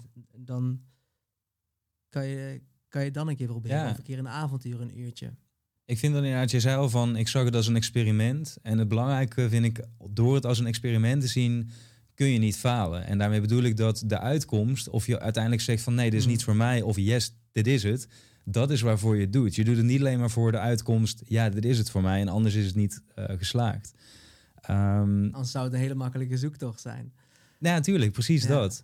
En anderzijds, wat je zei, door jezelf bijvoorbeeld een jaar de tijd te geven. Nu eh, noemde jij dat bijvoorbeeld bij die uitgebreide zoektocht. Maar ik doe ook wel eens vaak dat ik eh, bijvoorbeeld met de podcast. Eh, ik heb mezelf tien afleveringen de tijd gegeven. En daarna pas mocht ik een oordeel vellen. En wat dat bij mij deed, maar wat het ook voor veel van ondernemers doet waarmee dat ik werk, is dat het je even de ruimte geeft om die eerste tegenslagen te verwerken die je allemaal, weet je wel, tegenkomt Zonder meteen te denken van ja, zie je wel, dit is Ja. niets voor mij. Ja. Of zie je wel, ik kan dit niet. Dat al die onzekerheden worden bevestigd. eh. Exact. Want anders is dat direct wat je doet. Dus eh, meteen die, die onzekere gedachten, die bevestig je. En je zegt nee, dit is dus niets voor mij. Je laat het weer vallen en on to the next one. Ja. En door jezelf even die wat langere periode te gunnen en daarna ook objectief te kunnen kijken van nee, maar inderdaad vond ik het eh, de meeste van die tien afleveringen bijvoorbeeld leuk. Eh, weet je wel, wil ik hiermee door? Eh, als ik ermee door wil, wat zou ik dan kunnen aanpassen om het voor mezelf Ja. nog wat ehm, makkelijker of soepeler of hoe je het ook wil noemen te maken? Op die manier. En door elke dag misschien een klein beetje te doen. Dat merk ik nu ook bijvoorbeeld met podcasts maken of video's. Van beter elke dag een klein stukje. En dan, maar wel zeven dagen per week of zes Mhm. dan wat ik eerder altijd deed, is dan wil ik in één dag een podcast Ja, ja. bijna opnemen, editen en publiceren. En dat lukte dan En niet en dan werd ik worden. gefrustreerd. Ja. Ja. Zo herkenbaar. Ja. Maar de derde stap waar ik naartoe wilde, is, want dan heb je die spark, weet je wel. Je hebt eh, eh, een aantal uitdagingen overwonnen. Dan besluit jij op een gegeven moment van, ik ga hier een business van maken. Mhm. Ja. En ehm, je hebt daarvoor, voordat je echt met filmmaken aan de slag ging, ook al wat andere ondernemersideeën gehad, toch? Waar dat je mee hebt geëxperimenteerd en ja, ik heb ooit een app gemaakt en ja, dat, dat soort dingen. Ja.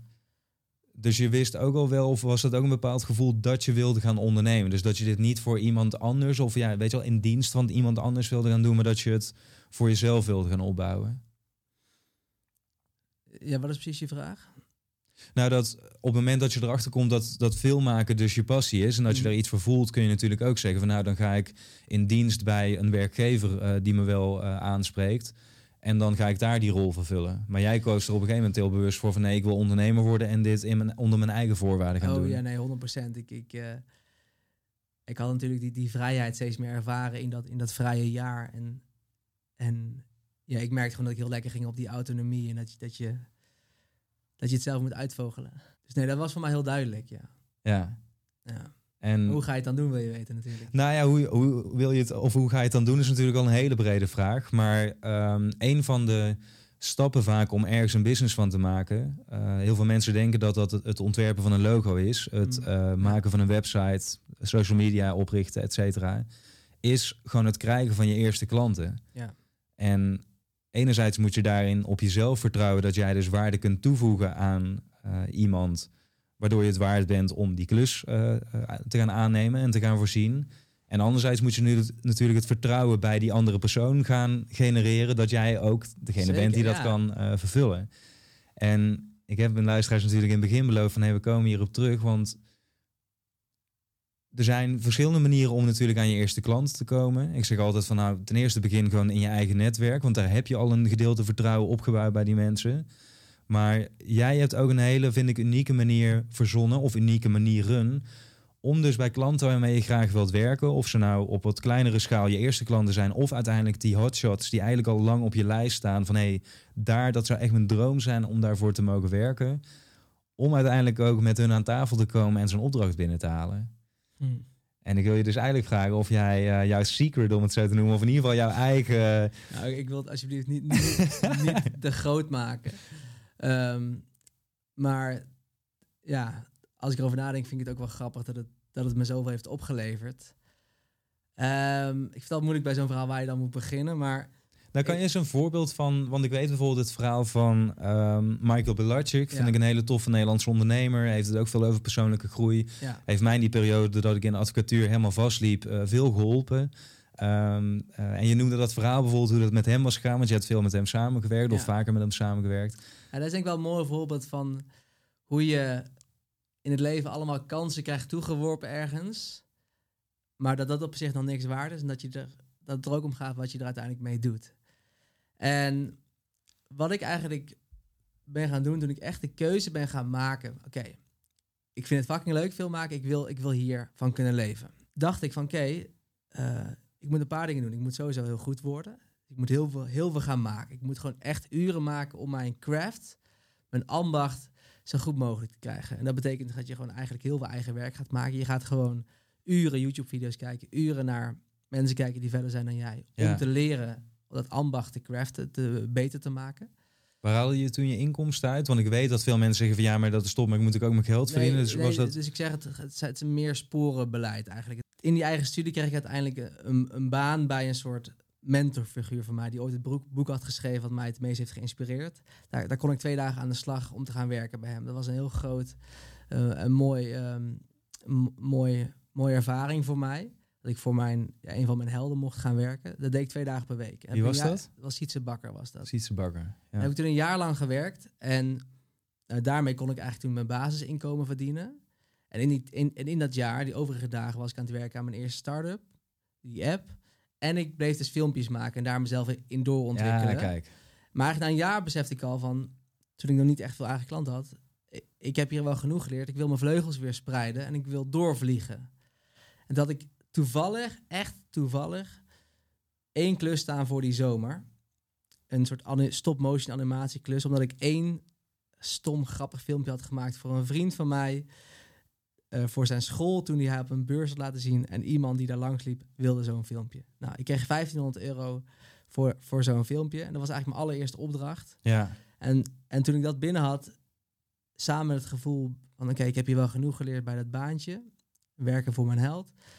Heb ik gezegd, oké, ik wil eigenlijk weg hier. En ik, uh, ik, ik, wil hier gewoon voor gaan kijken of het lukt. Dus ik had eigenlijk één duidelijke opdracht staan. Ja. Ja, maar het is goed om te weten inderdaad. Want je zegt wel van oké, ik heb inderdaad één jaar lang had ik in ieder geval inkomsten en kon ik mezelf verder ontwikkelen. Ja. Vervolgens inderdaad had ik één opdracht staan en ik had mezelf verder ontwikkeld. En al wat, weet je wel, dat zelfvertrouwen groeide gedurende al die tijd. Omdat je steeds meer je eigen ding ging doen. Je mocht op het duur voor je held gaan werken. Wat natuurlijk ook weer zo'n bevestiging is van hé, hey, ik word gezien en ik kan ook echt iets. En dan kan je die stap, um, of heb je die stap En, en dan gaat het erom, heb je natuurlijk één zo'n klusje staan wat leuk is. Maar hoe ga je dat volhouden? Want als je er van wilt leven, dan moet het natuurlijk een consistente stroom zijn aan inkomen. Het moet in ieder geval doorlopen. Ja. En ik kwam er gewoon heel snel tot de conclusie. Oké, wat ik daarvoor nodig heb, is dat mensen weten dat ik besta, eigenlijk. En ja, dan kun je op heel verschillende manieren kun je dat bereiken. Je kunt allerlei marketingtechnieken toepassen. En wat ik eigenlijk gewoon echt ben gaan doen, is mezelf letterlijk laten zien aan allemaal mensen die ik heel boeiend vond. Ik, ik volgde allemaal mensen op YouTube en op op social media die, die ik heel inspirerend vond. En ik ben eigenlijk mezelf heel veel gaan aanbieden in het begin aan al dat soort mensen. Dus, dus eigenlijk let ik, let ik dat ik mezelf bij hun op de radar heb gezet van hey, ik ben er, dit is wat ik kan en deze waarde kan ik voor, voor jou bieden. Heel veel op het begin ook gratis, dat ik, dat, dat ik gewoon echt aanbood van hey, ik wil iets bijdragen aan wat jij doet, want ik vind het mooi wat jij doet. Uh, dus daar ben ik ook helemaal niet zo vies van. Dus daarmee groeide ik al heel snel uh, een soort netwerk en was ik daar bewust aan het bouwen van oké, er, er, moeten bepaalde zaadjes geplant worden, dat bepaalde mensen weten wie ik zijn eigenlijk. Ja, dus je zegt eigenlijk inderdaad zichtbaarheid bij de juiste personen. Ja. Dus niet random, want eigenlijk is dit precies het probleem wat veel ondernemers met social media hebben. Die zeggen van ja, maar ik heb bijvoorbeeld 10.000 volgers nodig. Uh, en dan begrijpen ze vaak niet dat van ja, als jij 10.000 mensen hebt die nooit klant bij je zullen worden bijvoorbeeld, dat je er dus eigenlijk helemaal niets aan hebt. In de zin van wanneer je een business probeert op te bouwen. Maar jij zegt inderdaad, ik wil, wilde zichtbaar worden of ik werd zichtbaar. Maar bij de juiste personen waarvan ik wist van hé, daar zou een klant uit kunnen komen, een samenwerking. Ja, precies. Inderdaad. Ja. Um, en om elke keer eigenlijk een soort momentum te blijven hebben. Dat je in beweging blijft. Dat ik, dat ik niet, eigenlijk wat ik eerder uitlegde, in die angst schiet van... oh, straks komt er niemand op me af, straks weet niemand wie ik ben. Dat ik elke keer zelf het roer in eigen handen nam en, en zelf bedacht van vanuit mijn kracht, oké, die is cool, daar ga ik op af, daar ga ik kijken of, of daar iets te halen valt. Ja. En niet allemaal zo heel erg met een, uh, dat ik er meteen iets uit wilde halen, dat ze me meteen een betaalde opdracht moesten geven. Maar gewoon dat je vertrouwt, ik ga mezelf geven. Ik ga laten zien aan de wereld wat ik kan, wat ik te bieden heb. En, en ik vertrouw erop dat het dingen terug gaat geven eigenlijk. Bijna zo, ja, zo, zo zag ik het echt. En een mooi voorbeeld hierin is, en dan komen we bij dat voorbeeld van Michael, is uh, op een gegeven moment was mijn moeder was, uh, op vakantie in, uh, in Sicilië. En zij heeft een soort ehm, gave dat ze af en toe dingen voelt of ziet die een groot impact maken op mijn leven. Dat is een paar keer gebeurd en dit is daar een voorbeeld van. Zij liep op een landhuis waar ze verbleef en liep een beetje door dat huis te struinen. Zag ze daar een boekenkast en er was één boek wat haar aandacht ving. En het was het boek Dans in de Hemel van Michael Pilarczyk. Nou, ze pakt het boek en uh, er stond op nou, een roman van Michael over een DJ die heel rijk was geworden en alles was verloren. En allemaal levenslessen erin. Ja. Ken je, ken je het boek? Of niet? Ja, zeker. Zijn eerste boek, toch? Ja, zijn allereerste, ja. allereerste boek. En hij, zij las dat achterkantje en dacht, oh, dit is interessant. Dit, dit, moet, dit moeten mijn zoons eh, weten. Dus mijn moeder stuurde dat door naar mij en mijn broer. En ik dacht, ik ga het gewoon meteen, meteen gelijk even opzoeken. Want ze had daarvoor ook al wel eens dingen gestuurd die een grote impact hadden gemaakt. Dus ik dacht, ik geef het gewoon een kans. En ik, ik zocht hem op, Michael. En ik vond hem meteen uh, inspirerend. Een goede stem en mooie lessen over het leven. En ik dacht eigenlijk gelijk, dit is nou een man die ik, wil gaan, die ik graag wil ontmoeten. Hier zou ik wel van, van wel van willen leren. Ja. Dus, zou wel een man zijn die ik, die ik gewoon eens wil leren kennen. Maar hoe doe je dat? Nou, hij had, ik zag op zijn site dat hij een groot event had waar hij zijn nieuwe boek, Think and Grow Rich, was het volgens mij, ja. Zou gaan lanceren. Ik dacht, oké, dan ga ik een kaartje kopen. Dan kan ik daarheen en spreek ik hem dan wel aan. Nou, ik een kaartje willen kopen. Was het uitverkocht? Ik denk, kut, ja, dan gaat mijn kans. Het was over een paar weken. En dan kan je dus twee dingen doen. Of je kan denken van, nou dan misschien de volgende keer. Uh, maar met de mindset waarin ik toen zat, met ik moet zelf kans creëren, dacht ik nee. Het is eigenlijk best wel een bijzonder verhaal hoe hij op mijn pad is gekomen. Mijn moeder die in een random landhuis in Chili zijn boek tegenkomt en voelt dat, dat zij het naar mij moet sturen. Ja. Ik weet zeker dat hij het ook een mooi verhaal vindt. Dus ik zet mijn cameraatje neer uh, op de bank thuis en ik, ik, ga dat verhaal vertellen in die camera naar hem toe. Van hey Michael, um, nou ja, een beetje random, maar ik wil je eigenlijk gewoon vertellen hoe jij op bijzondere wijze op mijn pad bent gekomen. Um, ja, ik vind het heel mooi wat je doet, bla bla bla. En ik zag dat je een event hebt waar ik eigenlijk heel, heel graag heen wil. Maar uh, ik zag dat het uitverkocht was. En ik, ik wil je toch vragen of ik er misschien op een of andere manier toch bij kan zijn. Want ik voel dat ik, er, ik, voel dat ik daarheen moet. Ja. En ik wil je ook uh, iets aanbieden. Misschien kan ik wat filmpjes maken die dag. Of misschien kan ik wel een, uh, een kunstkaart maken die je dan kan uitdelen aan de mensen daar. Gewoon een random idee. Wat, wat, wat zou misschien ook voor hun relevant ja, kunnen precies, zijn. Ja. Nou, en uh, ik stuur dat filmpje op. En eigenlijk een week later, ik, ik deed toen ook een live cursus bij hun toevallig die tijd. Zat ik in zo'n webinar. En toen werd opeens live mijn naam genoemd. Van, hé, hey, trouwens, wat we vandaag meemaakten was wel heel bijzonder. Ik kreeg een, een filmpje van ene Chris Pauw. En ja, die, uh, die, die had zichzelf even gewoon gepresenteerd. Want die wilde heel graag bij het event zijn. Nou, Chris, als je luistert toevallig. Natuurlijk ben je welkom. Dus nou, dat was eigenlijk al heel mooi. Ja, wat ziek. Dus ik was helemaal door dolle en de, de, camera aan het springen. Want ik dacht, ja, dit is, dit heb ik dus net zelf gecreëerd. Het Ja. feit dat dit... En dat zijn van die momenten dat je beseft, holy shit, soms kan een kleine actie die je doet zoveel impact hebben. Of zoveel... Ja, dan, dat zijn momenten dat ik echt heb gevoeld, dat een soort levenskracht heb gevoeld. Ook al klinkt het misschien heel, heel klein of heel onbenullig.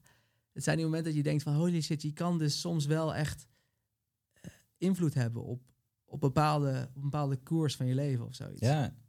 Ik vind het vooral heel menselijk klinken. Want dat is vaak, heb ik het idee, wanneer we bijvoorbeeld opkijken tegen iemand of geïnspireerd raken door iemand, dan creëert dat gevoelsmatig misschien ook wel een bepaalde afstand van, oh, maar ja, die willen toch, weet je wel, die gaan toch niet op mij reageren. Of hoe moet ik zo iemand aanschrijven? Terwijl in de kern zijn we natuurlijk allemaal mens. En wat jij doet, is in, op een hele persoonlijke manier, door middel van zo'n video, dat is Ja. natuurlijk veel persoonlijker dan even een stukje tekst of zo. Ja, want dat Jezelf- kun je op heel veel manieren interpreteren. En ik dacht, ik wilde toen ook echt heel graag hem ontmoeten. En ik, en ik wilde dat hij dat zou voelen. En dat, dat kan je natuurlijk veel meer voelen als je mij ook ziet. En Ja. als je mij dat hoort uitspreken. In plaats van die tekst die je op meerdere, meerdere manieren kunt interpreteren. Nou, dus uiteindelijk ik naar het event en ik leerde ze een beetje kennen. Hartstikke leuk. Ik leerde ook eh, hun werknemer toen kennen, Diederik. Dat werd een hele goede vriend van mij. Eh, dus in die zin gaf het me al heel veel. En toen was ik een paar maanden later was ik op Ibiza. En eh, dus eigenlijk, ik had ze leren kennen. Uiteindelijk was er niks, was niet echt iets gebeurd. Het was gewoon, het was een leuke dag Ja. Maar ik was dus een paar maanden later op Ibiza en ik, ik wist dat zij daar woonde. En ik wist ook dat ik ongeveer, ik wist ook ongeveer waar ze woonden, wat voor soort huis hadden, wat voor kleur en welke baai ongeveer. En ik dacht, volgens mij ben ik in dezelfde baai nu tijdens een stranddag. En ik dacht, nou, misschien moet ik maar even, even op, op onderzoek uitgaan en hoi gaan zeggen. dus ik eh, huurde een subplank, zo'n ding waarmee je kunt peddelen. Ja. En ik, eh, ik ga het water en ik, eh, en ik ga op zoek naar, naar een rood huis toen dat tijd. En eh, uiteindelijk zag ik, zag ik dat huis. En toen ben ik gewoon daar, ja, vanaf de zee, het was denk ik een paar honderd meter, ben ik zo van, ben ik soort van gaan roepen. Michael! Alsof ik echt even hooi ging zeggen. Want ik dacht, ja, dat is toch lachen. Als ik, hij weet ook niet dat ik hier ben. Is toch grappig als iemand even hoi komt zeggen. En uiteindelijk eh, kwam hij inderdaad naar buiten van zijn balkon af. En zijn, zijn vrouw Cindy was er ook bij. Die liepen allebei. Ik zag ze in de verte naar buiten komen lopen. En die, die, moesten, die moeten wel hebben gedacht van... wat de fuck gebeurt hier nou? Wie, wie roept ons nou Ja. vanaf het water? Nou, uiteindelijk zagen ze dat ik het was. Ben ik naar ze toe gevaren eigenlijk. En daar een soort, een soort grappig gesprekje gevoerd van... hoe, hoe random is dit? Ja. het was voor mij gewoon echt een soort klein avontuurtje. En ik vond het gewoon grappig. Het was niet per se stalkerig. Het was, dat, ik vond het gewoon Ja. heel onschuldig en grappig. Want zij waardeerden het dus ook. Ze dachten niet van, oh, je komt in onze persoonlijke space of iets, iets in die... eh, ik was in ieder geval niet bang voor. En uiteindelijk op de manier hoe Ja. ik het deed... eh, is het niet zo gevallen, laat ik het zo zeggen. en goed en, dat je eh, dat zegt inderdaad, op de manier hoe ik het deed. Want dat bepaalt natuurlijk alles. Ja, het, ja, het was gewoon niet... eh, ik deed het gewoon een beetje op een luchtige manier. Ja. En uiteindelijk, nou, ik zij kwamen liepen naar beneden, naar de rots. En ik kwam daarheen. En toen hadden we eens even een gesprekje van... Hé, hey, wat doe jij hier? En eh, oh, wat wonen jullie mooi? En toen vroeg Cindy dus aan mij, zijn vrouw... Hey, wat, hey, ik heb je niet dus... Ja, we weten niet een beetje wie je bent. Maar wat doe je nou eigenlijk? Ja, ze vroeg ook naar wat, naar wie ik was. Ja. En dat is het moment dat je elkaar dus leert kennen in een, in een relatie. En dan ik vertelde dus, nou ja, ik ben dus filmmaker, ik ben eigenlijk nu een jaartje bezig. En eh, ik vind het belangrijk om films te maken waarmee ik iets kan bijdragen aan, aan de wereld. Of waarmee ik een mooi verhaal kan vertellen. Nou, dat raakt, dat was natuurlijk ook iets waar zij mee bezig waren. En een maand later kreeg ik eigenlijk mijn eerste grote opdracht van hun. Een, een vijftal portretten maken over de mensen die zij hielpen met hun programma's. En zo werd dat eigenlijk Michael en, en Cindy en hun hele business werd mijn eerste grote echte klant. Ja. En een, een langdurige zakenrelatie. Waar ik ja, een paar jaar ehm, heel leuk, leuke business uit heb kunnen halen. En hele mooie dingen voor heb kunnen maken. En ook eh, heel veel kans kregen om te leren. Omdat ze heel erg vertrouwen bij me neerlegden. En echt liet te zien dat, dat ze me vertrouwden. God, wat een lang verhaal. Maar, en dat is gewoon ja. een, mooi, een, een mooi voorbeeld van... eh, ik kan eigenlijk niet bijna niet geloven dat ik dat echt zo gedaan heb. Maar het is een mooi voorbeeld, denk ik, van eh, ja, hoe dingen kunnen lopen. Als je bereid bent om misschien een beetje uit, uit je comfortzone te gaan. Als je bereid bent om jezelf echt te laten zien, denk ik. En daarmee bedoel ik alles wat je bent gewoon op tafel te gooien. Altijd vanuit een soort respect dat je ook altijd in je achterhoofd houdt. Wanneer je te ver misschien kan gaan bij iemand. Ja. Ehm, maar ik heb meerdere van dat soort verhalen. Waardoor ik heb geleerd dat het, ehm, dat het zin heeft om, om te laten zien wie je bent. En dat het heel veel deuren kan openen. Ja, zeker. Nee, daar zit juist heel veel in, want je zegt lang verhaal, maar ik vind het juist een heel mooi verhaal. En daarom kwam die ook meteen bij me op. Ik denk van dat, daar zit heel veel, ehm, ja, enerzijds gevoel en emotie natuurlijk in. Eh, omdat veel mensen Michael Pilarczyk ook wel iets zegt en zich die situatie kan voorstellen. Ja, als beginnende filmmaker, eh, hij die toch al een aantal keer een miljoenenbusiness eh had opgericht, had verkocht, ook een keer diep in de shit is gegaan. Want dat is eigenlijk dan mijn tweede vraag van, als je dan kijkt, want dit was een kans die je had gecreëerd, die lukte dus uiteindelijk. En daar heb je dus best wel wat dingen ook voor moeten doen en een aantal keer voor uit je comfortzone Ja, en nogmaals, gegaan. ik wil ook niet al de credits aan mezelf geven. Want het is ook meerdere dingen die precies goed vallen. Het is een puzzel die lukt. Een soort eh, een cadeau van het leven bijna. Maar je, je hebt er altijd zelf een aandeel in. En, en Ja, dat, is, ja. dat is het stukje magie waar ik in geloof. Dat als je, als je bereid bent om, om die effort in iets te stoppen, dan, dan gaan dat soort dingen goed vallen. En dat is een, iets wat ik niet per se kan verklaren, maar wel al tientallen keren in mijn leven is gebeurd,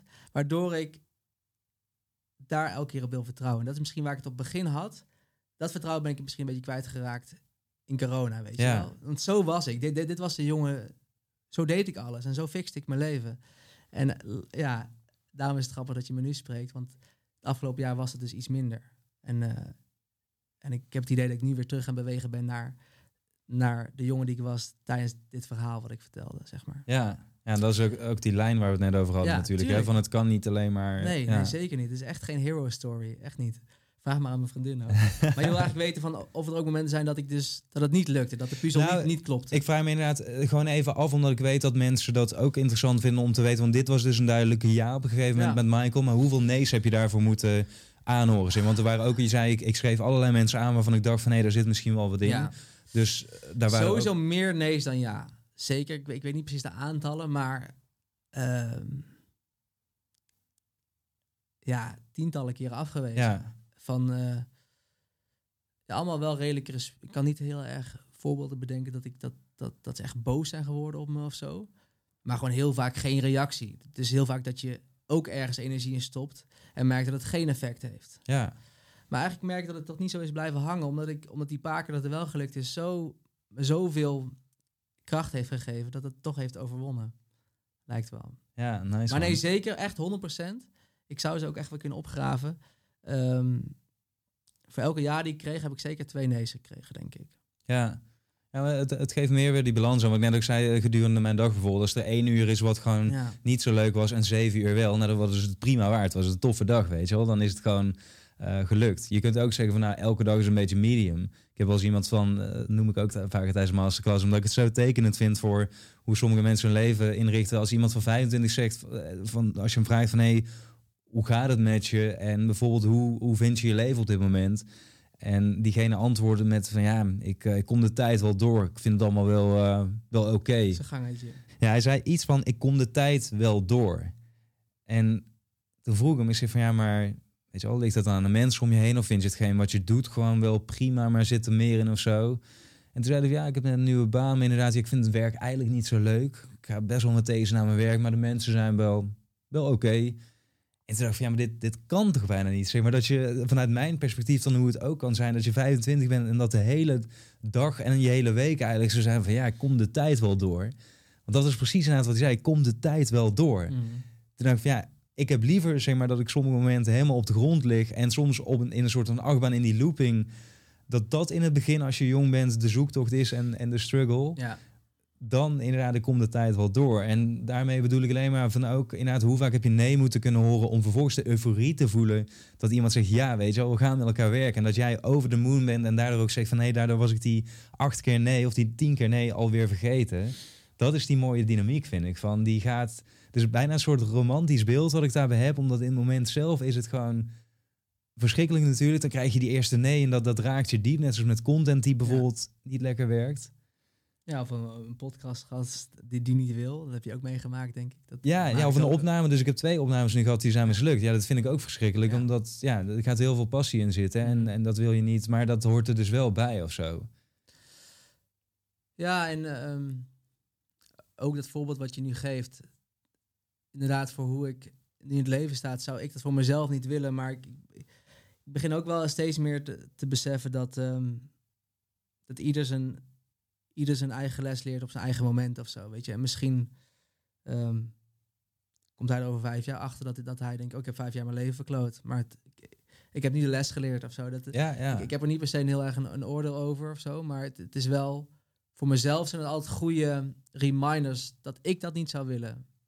Ja, maar dat, dat is precies wat je zegt. Van, dat is natuurlijk mijn perceptie van wat iemand zegt. En diegene moet Ja, verder. Ja, nee, nee, zeker. Uh, dat is. eh, eh, vind, nee, maar ik vind het wel goed dat je dat opmerkt. Want ik zeg toch ook. Ik noem wel eens met mijn tattoos dat het voorbeeld. Dat mensen dan tegen mij zeggen van, oh ja, ik vind het heel mooi, maar ik zou het zelf niet doen. Want dat doen we natuurlijk allemaal. We betrekken het op onszelf. Ik zeg van, ja, maar je hoeft het ook niet te doen.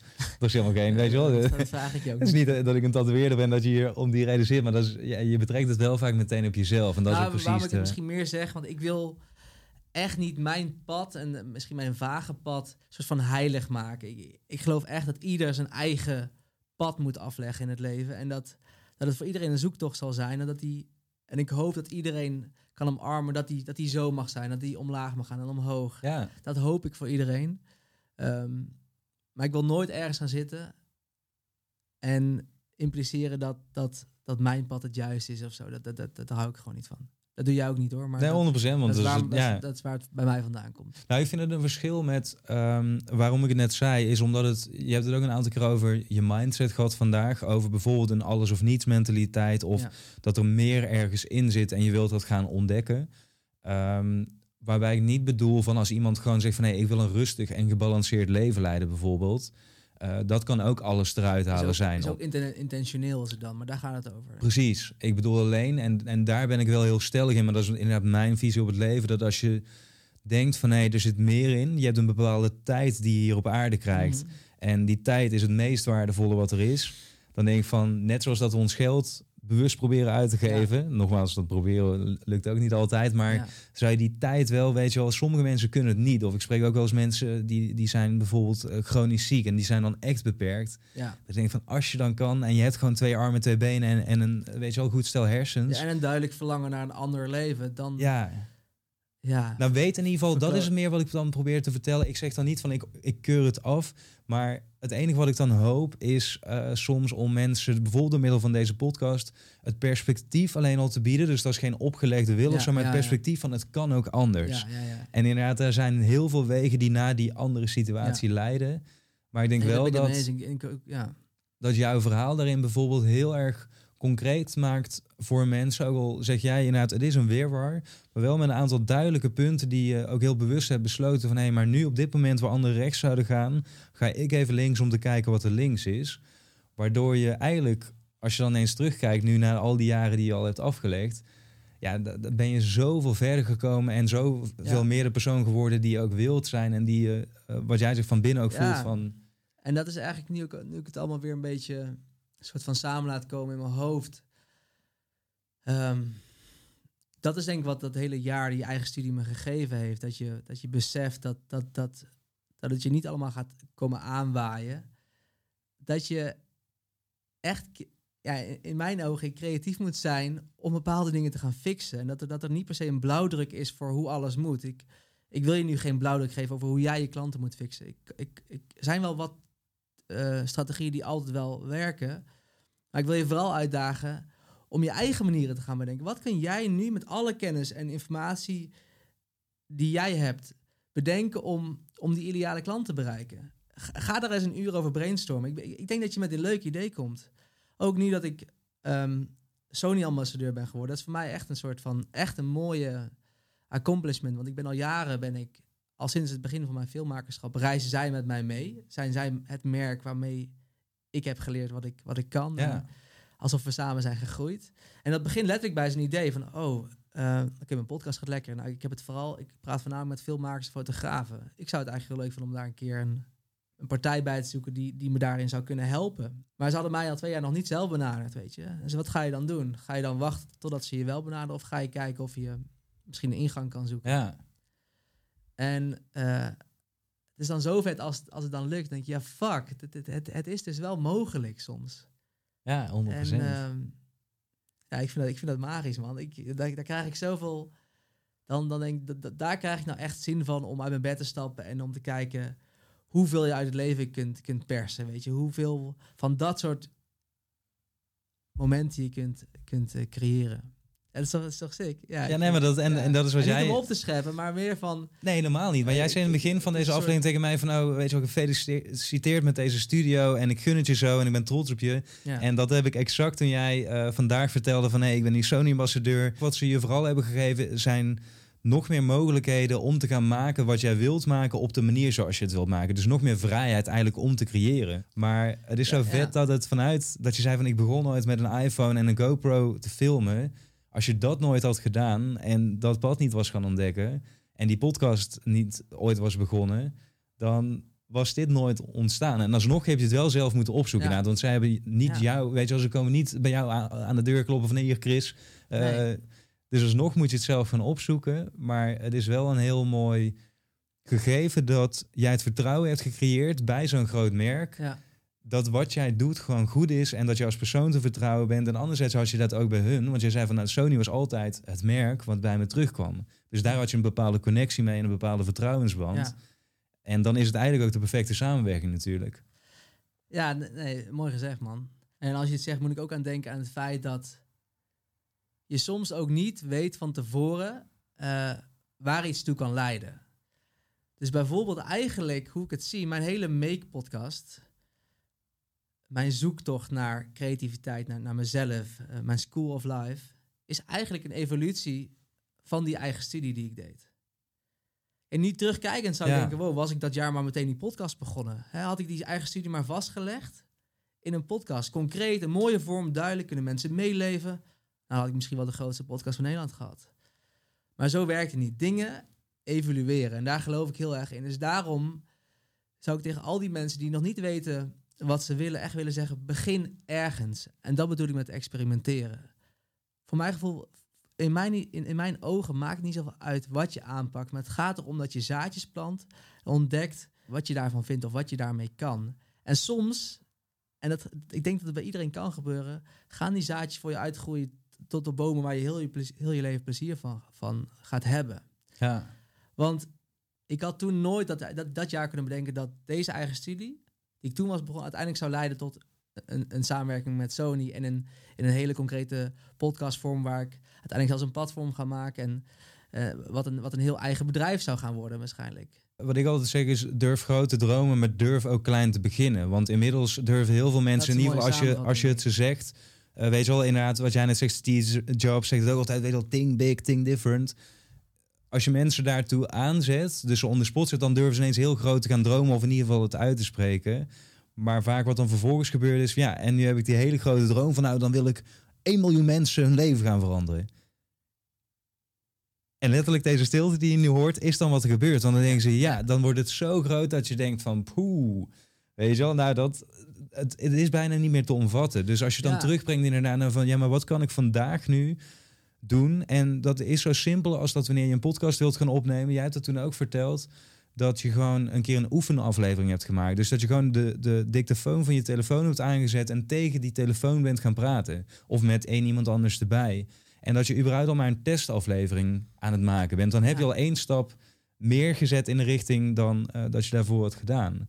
En de volgende dag denk je misschien van... hé, hey, dit, dit ging wel lekker. Laat ik iemand gaan uitnodigen en een echte aflevering opnemen. En op die manier kom je steeds... Ik heb het ook in het begin ook omschreven van... Eerst ging ik zelf met koffertjes onderweg. Ja, Toen met een Ja. cameraman erbij. Nu zitten we in deze studio. En ik zie natuurlijk ook wel, even voor de kijker... dit is een ruimte van ongeveer 12, 13 vierkante meter waar we nu zitten. In mijn stoutste dromen was dit natuurlijk ook een pand van 100 vierkante meter... met de dikste camera's en eh, een assistent en ik noem maar wat erbij. Maar je moet ook gewoon realistisch kunnen zijn... naar wat is nu de eerstvolgende stap? ja. En die stap is het zeker waard om te zetten. Want als het dan eenmaal zo groot is, daar hadden we het in het begin ook nog over van, stel je gaat ineens van niets naar alles. Dan blijft er ook niets meer van verlangen over of niets meer om over te dromen. Dus ja, wat heb je dan? Dan is die hele reis ineens, eh, wordt voor je ogen weggemaaid. het is eigenlijk zo vet om stapje voor stapje te groeien. Ja, En ook al wil ik nog, nog steeds dagelijks dat, dat dingen sneller gaan, probeer ik me er zelf ook dagelijks aan te herinneren dat het juist leuk is om op die manier te groeien. Want waar jij nu zit, dat had jij, ja, denk ik op het begin nog niet helemaal zo kunnen visualiseren zoals het nu is. En dat is ook, ik denk als je dus die vraag stelt aan jezelf, oh ik weet niet wat ik wil, wat moet ik met mijn leven, dat je in één keer een compleet antwoord wilt op die vraag. ja, En misschien is dat wel wat ik bedoel.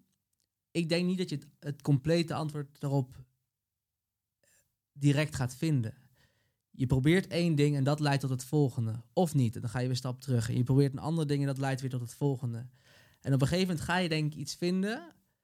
wat elke keer door gaat bouwen totdat je iets, iets vindt wat zo erg bij jou past... dat je daar ja, meer van kunt gaan, ja. gaan maken. En daar wordt fouten maken inderdaad. Als je, als je makkelijk fouten kan maken. Mijn college tour heet falen is de enige optie. Dat is ook om mensen een beetje aan het denken te zetten. Want normaal hoor je natuurlijk falen is geen optie. Dat ik denk van falen is de enige optie. Omdat als je leert fouten te maken en daar cool mee te zijn. Dus je daar niet dat niet op jezelf te betrekken. Maar het gewoon als onderdeel van het proces te ervaren. Dan kom je er sneller bij de oplossing uiteindelijk. Ja. Want die breng je daar naartoe. En daarom zei ik op een gegeven moment ook van ja, jij bent iemand die doet grote klussen, grote projecten. Wordt ook door in de videowereld of filmwereld door veel mensen al als een voorbeeld gezien door jonge makers. Ook vanwege je podcast natuurlijk. Ehm, maar ook de meest bekende ondernemers of weet je wel, CEO's en dergelijke. Als je met hen spreekt, uiteindelijk doen zij ook maar wat. En dat geven ze ook zelf toe. Omdat ze Hm. zeggen van ja, ik probeer Ja. dichter in de buurt te komen van het doel wat we hebben uitgezet. Maar ik heb het antwoord ook nog niet. Ik ben ook maar gewoon aan het proberen. Ja. En als je dat ineens beseft, ja, iedereen probeert maar wat. Maar als je dat proberen je eigen maakt en het proces dus leert te begrijpen en te respecteren, dat dat dus onderdeel is van de weg om naar je doel toe te komen. En dat dat uiteindelijk dan weer, dan ontstaat weer het volgende proces. Ja, dan Ja, is het... Als je eh, daar jezelf aan kan overgeven, dan, dan ja, is het zo'n bevrijding. Ja. ik. Ik vind het wel mooi om te eindigen inderdaad met dat we... Dat zeiden we toen straks ook nog, want jij zegt natuurlijk van make de podcast en het platform wat je daaromheen gaat bouwen. Mhm, eh, dat gaat altijd over creativiteit. Zeker. En ik vond het zo mooi dat, omdat we het nu net ook over deze studio hadden, dat is een heel tastbaar iets van. Dit was eerst een cel, zeg maar, die met kapotte muren, waar het heel erg galmde, wat op beeld toch absoluut niet mooi uitzag. En daar moest ik ineens aan denken, omdat ik toen dacht van ja, creativiteit, wat betekent dat dan? En waar staat dat nou eigenlijk voor? En toen zeiden we van ja, eh, het is zien wat niemand anders ziet, doen wat niemand anders doet. Mhm. En alles daaromheen, dus inderdaad die onzekerheden, die twijfels die je daarbij ervaart. ehm, het jezelf, dus je innerlijke leefwereld uiten, dus naar buiten brengen. Dat hele proces omarmen en daar een soort modus in vinden dat dat ehm, het grootste gedeelte van de tijd zo tof en leuk is om te doen, Mhm. dat het die negatieve momenten die onlosmakelijk eraan verbonden zijn, helemaal goed maakt. En wat jij net ook zei, dan denk je daar al niet meer aan. Ja. En dit is een soort eigen definitie die ik nu even ter Ja. plekke vorm. Maar dat is Ja, wel mooi. volgens mij, als ik hem zo, dat ik denk van ja, maar dat is inderdaad, ook als ik aan de Make-podcast denk en ook wat je in het begin al zei, van, ja, als mensen jouw hele verhaal van A tot Z willen horen, of alle andere makers die dat je spreekt, die ook praten over het bewandelen van je eigen pad, eh, het uiten van jezelf en alle fases en uitdagingen die daarmee gepaard gaan, Mhm. dan moeten mensen ook gewoon even lekker doorklikken naar de Make-podcast. Want daar zit ook gewoon heel veel waarde in. En kan je ook meer ontdekken inderdaad waar die vlammetjes allemaal eh, in je onderbuik zitten. Leuk Hey, Chris, man. ja, thanks man. Ik, eh, Je, bent, je bent, eh, bent weer warm gedraaid, jongen. nou, ik ben weer warm gedraaid, maar vooral ik, ik, ik merk weer hoe leuk het is. En we hebben elkaar na een aantal maanden niet gezien. Nee. Ehm, en eigenlijk is het ook juist wel heel leuk om nu dan met elkaar zo het Om- jaar te bespreken. Hierna niet te zien. Precies, ja. We, hierna, zodra de camera uitgaat, zijn we er ook klaar mee. volhouden, ja.